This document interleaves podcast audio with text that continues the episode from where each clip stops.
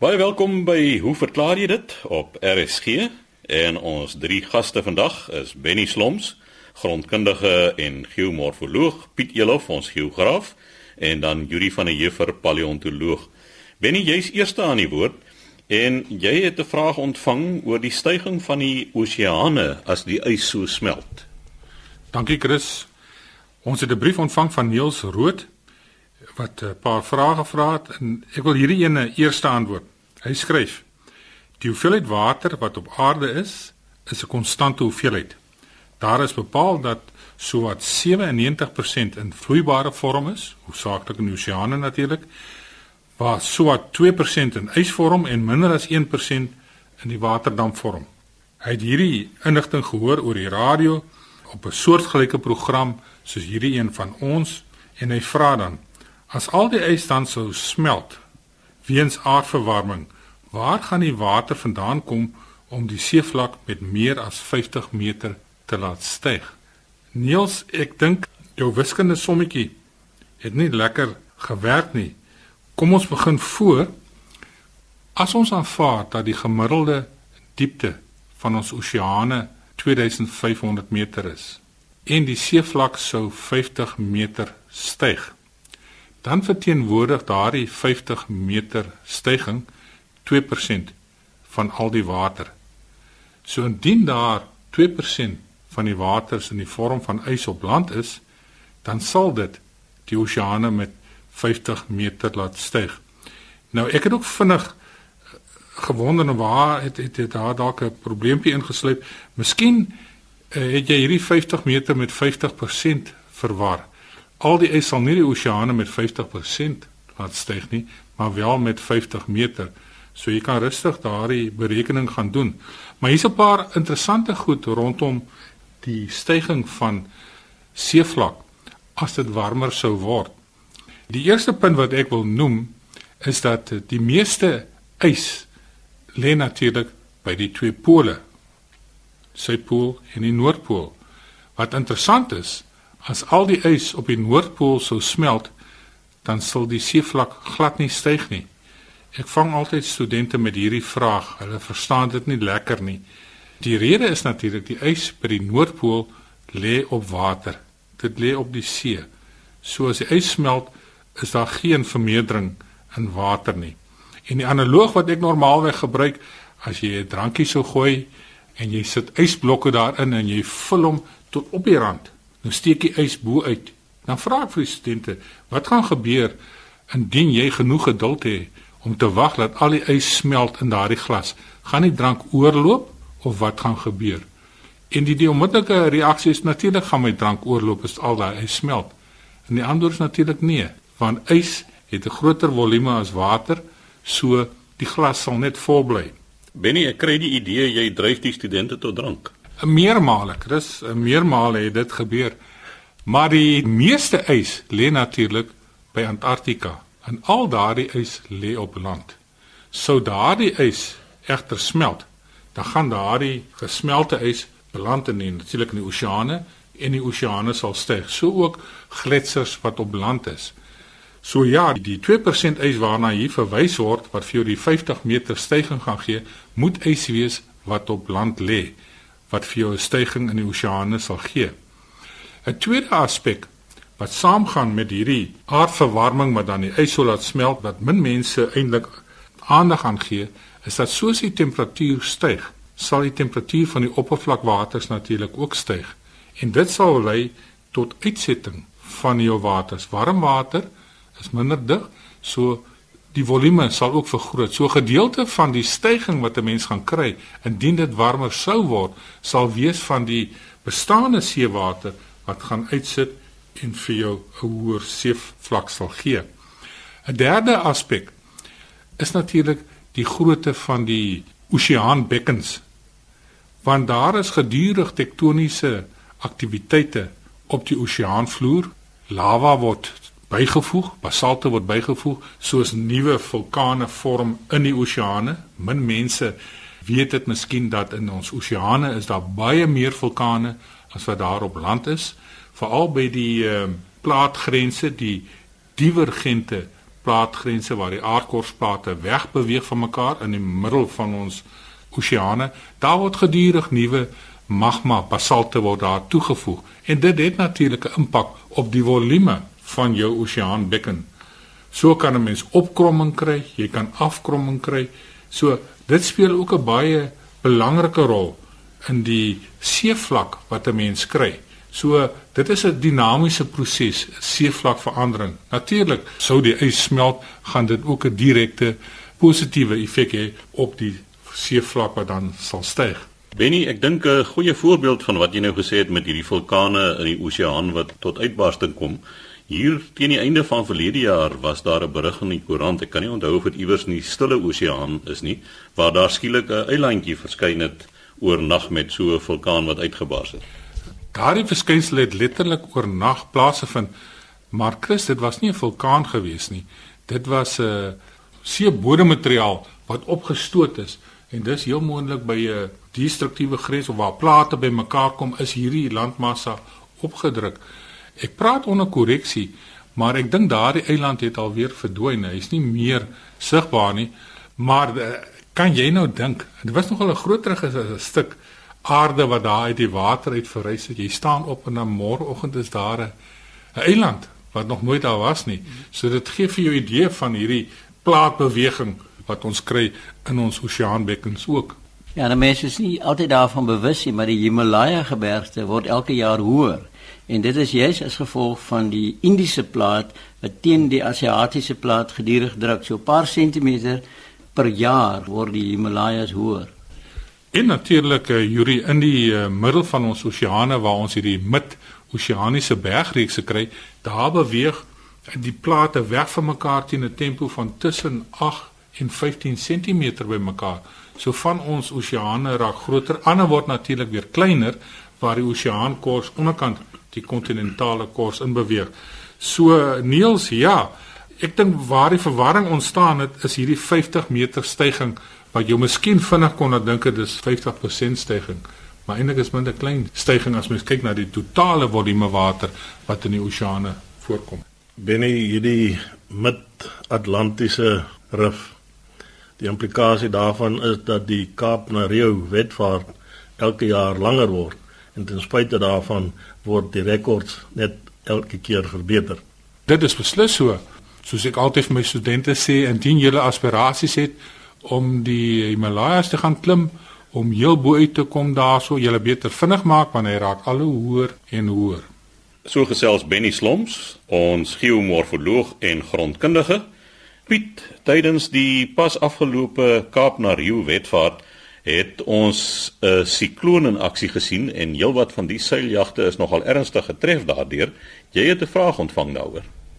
Chris ja, Egbert Gerrits van Bonnievale skryf vir my soos volg.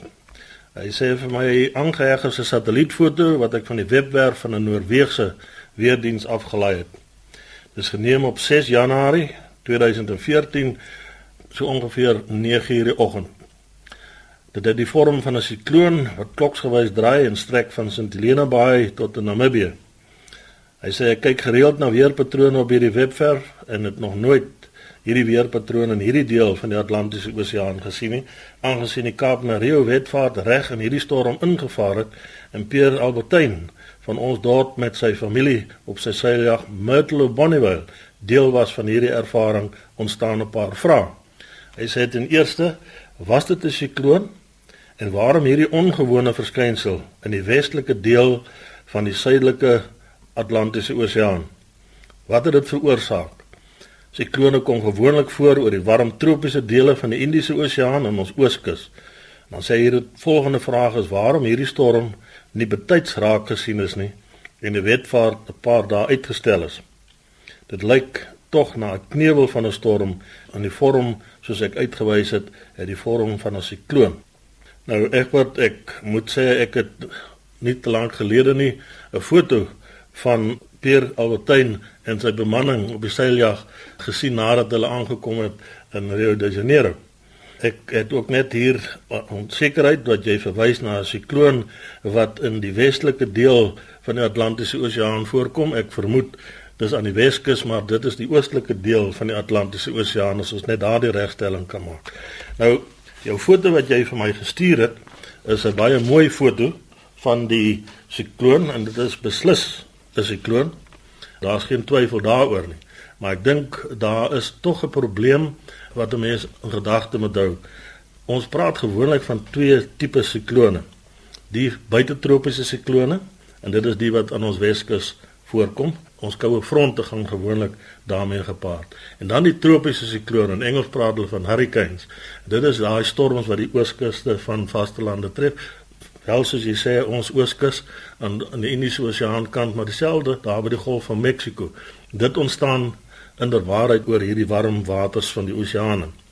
Nou, ek het 'n bietjie gaan kers opsteek by die manne van die weerkantoor omdat ek gewoon nie in daardie tydperk toe die Rio wetvaart plaasgevind het naby 'n uh, radio of uh, televisie was nie met die gevolg as ek kon nie daardie weerpatrone waarneem nie. Maar die foto wat jy vir my stuur is beslis 'n knewel van 'n sikloon, maar wel die van 'n buitetropiese sikloon.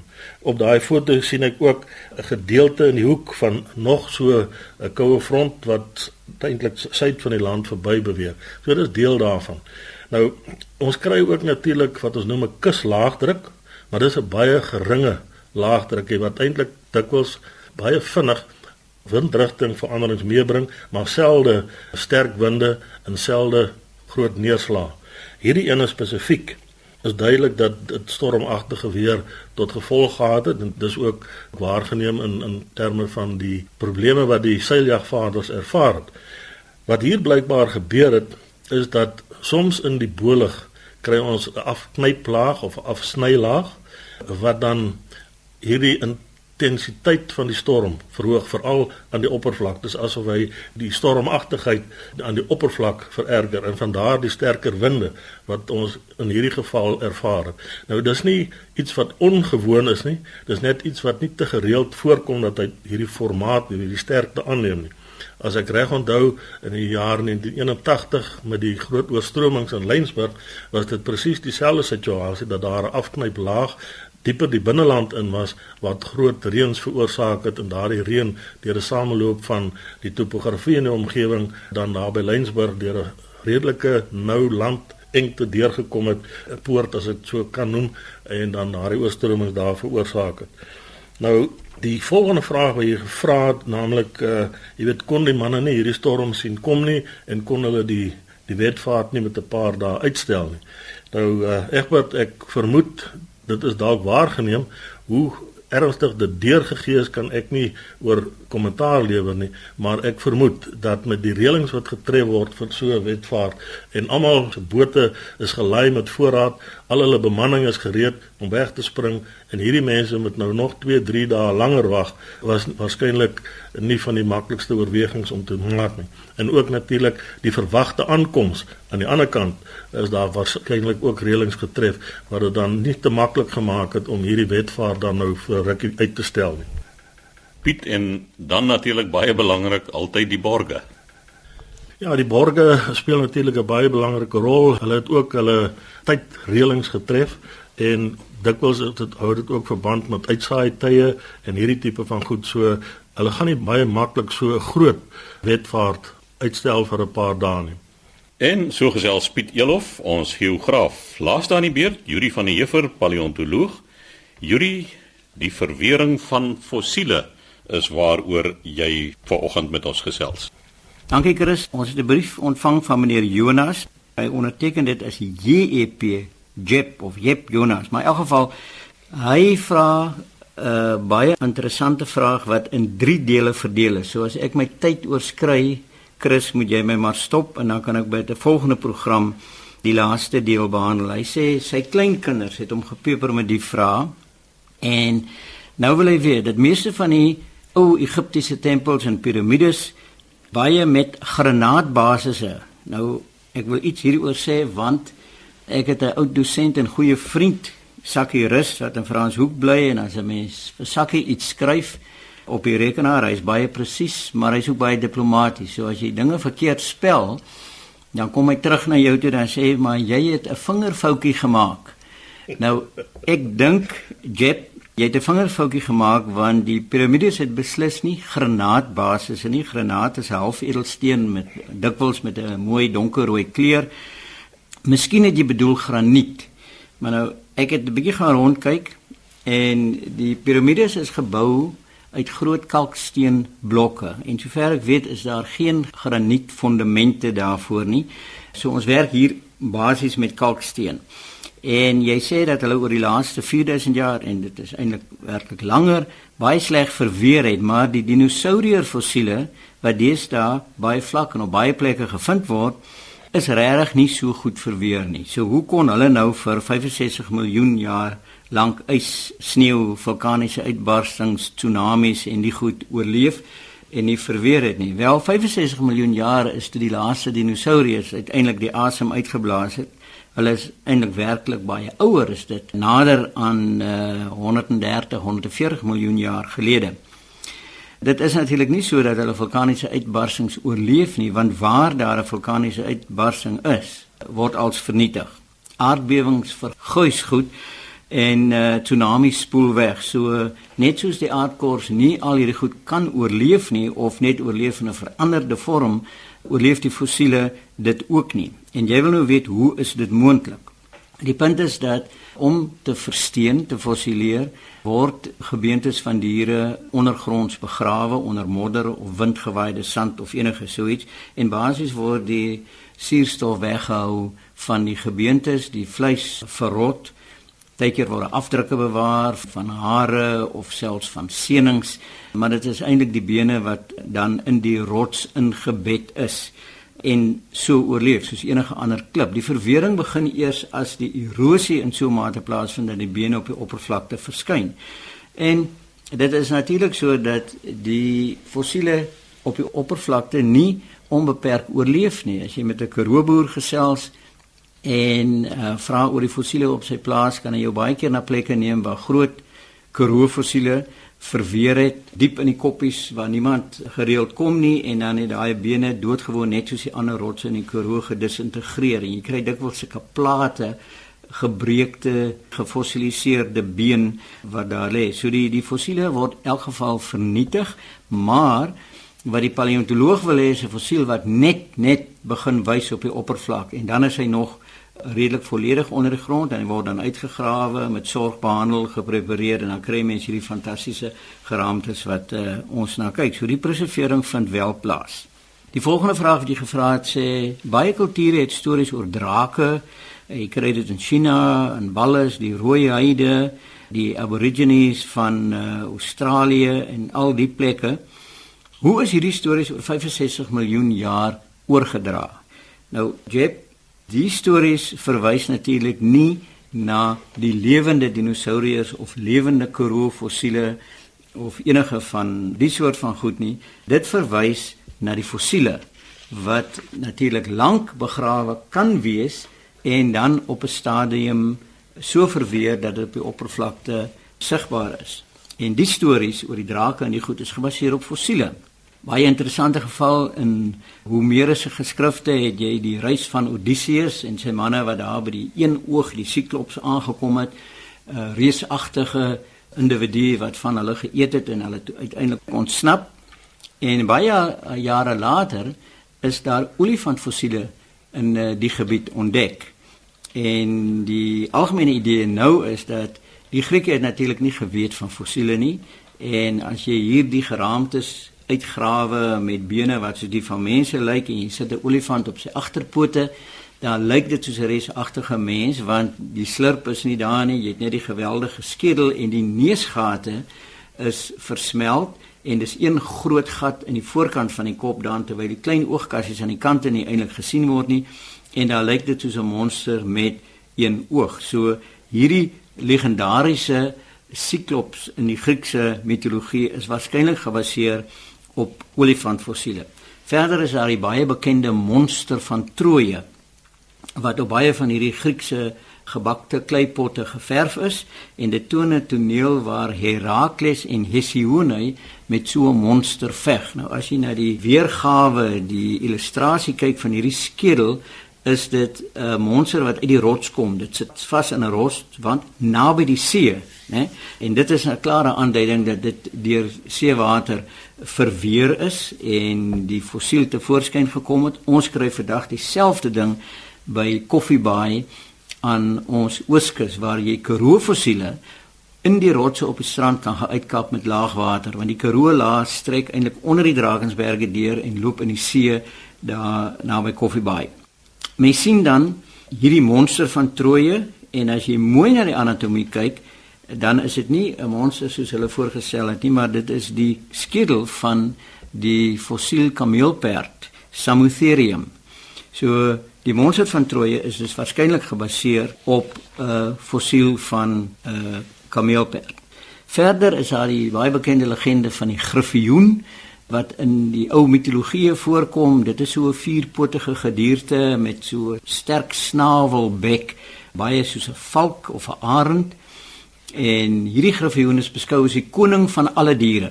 Hy is ook gesien as die bewaarder van skatte van waardevolle besittings en hy lyk verskriklik na 'n fossiel. Die sogenaamde dinosourier, 'n klein dinosouriertjie Protoceratops wat die voorloper was van Triceratops, die latere groot dinosourier met die horings soos 'n uh, renoster en dan 'n geweldige beengewelf wat so van die agterkop of oor die skouers gestrek het. Nou Protoceratops het nie is kleiner en het nie daai horingkies nie. Die interessante ding is dat in die goudmyne van die Altai bergreeks. Nou ja, dit klink omtrent soos die titel van 'n Wilbur Smith thriller is daar goud natuurlik gekry en dan fossiele van Protoceratops saam met die goud. En dit is in 'n gebied waar China, Rusland, Mongolië en Kazakhstan bymekaar kom. Naby die Gobi-woestyn waar daar ook van Protoceratops gekry is. So dis baie maklik om die verbintenis te maak dat jy hierdie oerdier in die rotse het, die goud is daar naby, albei word uitgegrawe dat dit die bewaarder van die van die goud gewees het. En daar's 'n verdere storie hier aan want die legende is so verwerk dat uh, uiteindelik het dit ontpop as 'n storie dat die griffioen Protoceratops lewenslank paar en as jou paarmaat doodgaan dan het die griffioen nooit 'n ander paarmaat geneem en maar die res van sy lewe alleen gesluit. En toe het die kerk, die Katolieke Kerk het op hierdie ding ingekom en besluit hulle gaan die griffioen gebruik as 'n simbool van hulle weerstand teen hertroues. Die huwelik is 'n heilige instelling en as die een van die huweliksmaats doodgaan, dan behoort die ander een nie te trou nie. En dit het beteken dat jy op talle van hierdie middeleeuse kerke het jy nou griffioene wat daar sit as hierdie simbole. En iemand wat nou al hierdie rolprent gesien het van die uh boggelrug van Notre Dame, waar die boggelrug daar in Notre Dame bo rond hardloop en staan, sien 'n mens hierdie lelike gediertes op die kathedraal se mure, die griffioen wat dan 'n sekere simboliese betekenis het. So wat jy dus eintlik sê oor hierdie stories oor die drake en die goed is gebaseer op die fossiele en daar's een baie goeie voorbeeld van 'n Duitse outeur wat baie baie jare gelede 'n boek gepubliseer het oor die sogenaamde onderwêreld, die gediertes van die onderwêreld en in hierdie boek het hy prentjies gewys van die sogenaamde marine see reptiel plesiosaurus dis die ding wat nou mense se verbeelding die Loch Ness monster is. En dis gebaseer op 'n fossiel van plesiosaurus en hulle het sulke groot plat roeipote gehad. Maar die fossiel wat hy nou geteken het en beskryf het het hy onderste bo geillustreer dat hierdie plat roeipote nou op die rug sit. En dit het aanleiding gegee tot die eerste illustrasies van drake wat dan twee stelle vlerke gehad het nie die latere modelle wat nou net die die een stel vlerke gehad het nie. So weer eens het jy hier 'n mitologiese organisme, 'n dier, vreesaanjaende dier wat gebaseer is op die verkeerde interpretasie van fossiele. So jy ek dink dit is wat gebeur het. Die rooi heide het dieselfde idee gehad van die groot Brontosaurus dinosourus wat hulle die geraamtes van gesien het en gesê het maar as hierdie goed geloop het moes dit soos donder weer geklink het en hulle naam daarvoor is dan ook soos donder weer dier en dis alles gebaseer op die fossiele. Jep, daar's te min tyd oor ek kan nou nie jou vraag oor die radiometriese datering in die tydjie doen nie. Miskien met 'n volgende program kan 'n mens iets meer daaroor sê. En dit was dan Yuri van der Heever, ons paleontoloog. U is baie welkom om aan ons om aan ons te skryf by hoe verklaar jy dit? Posbus 2551 Kaapstad 8000 of 'n e-pos te stuur aan chris@rsg.co.za.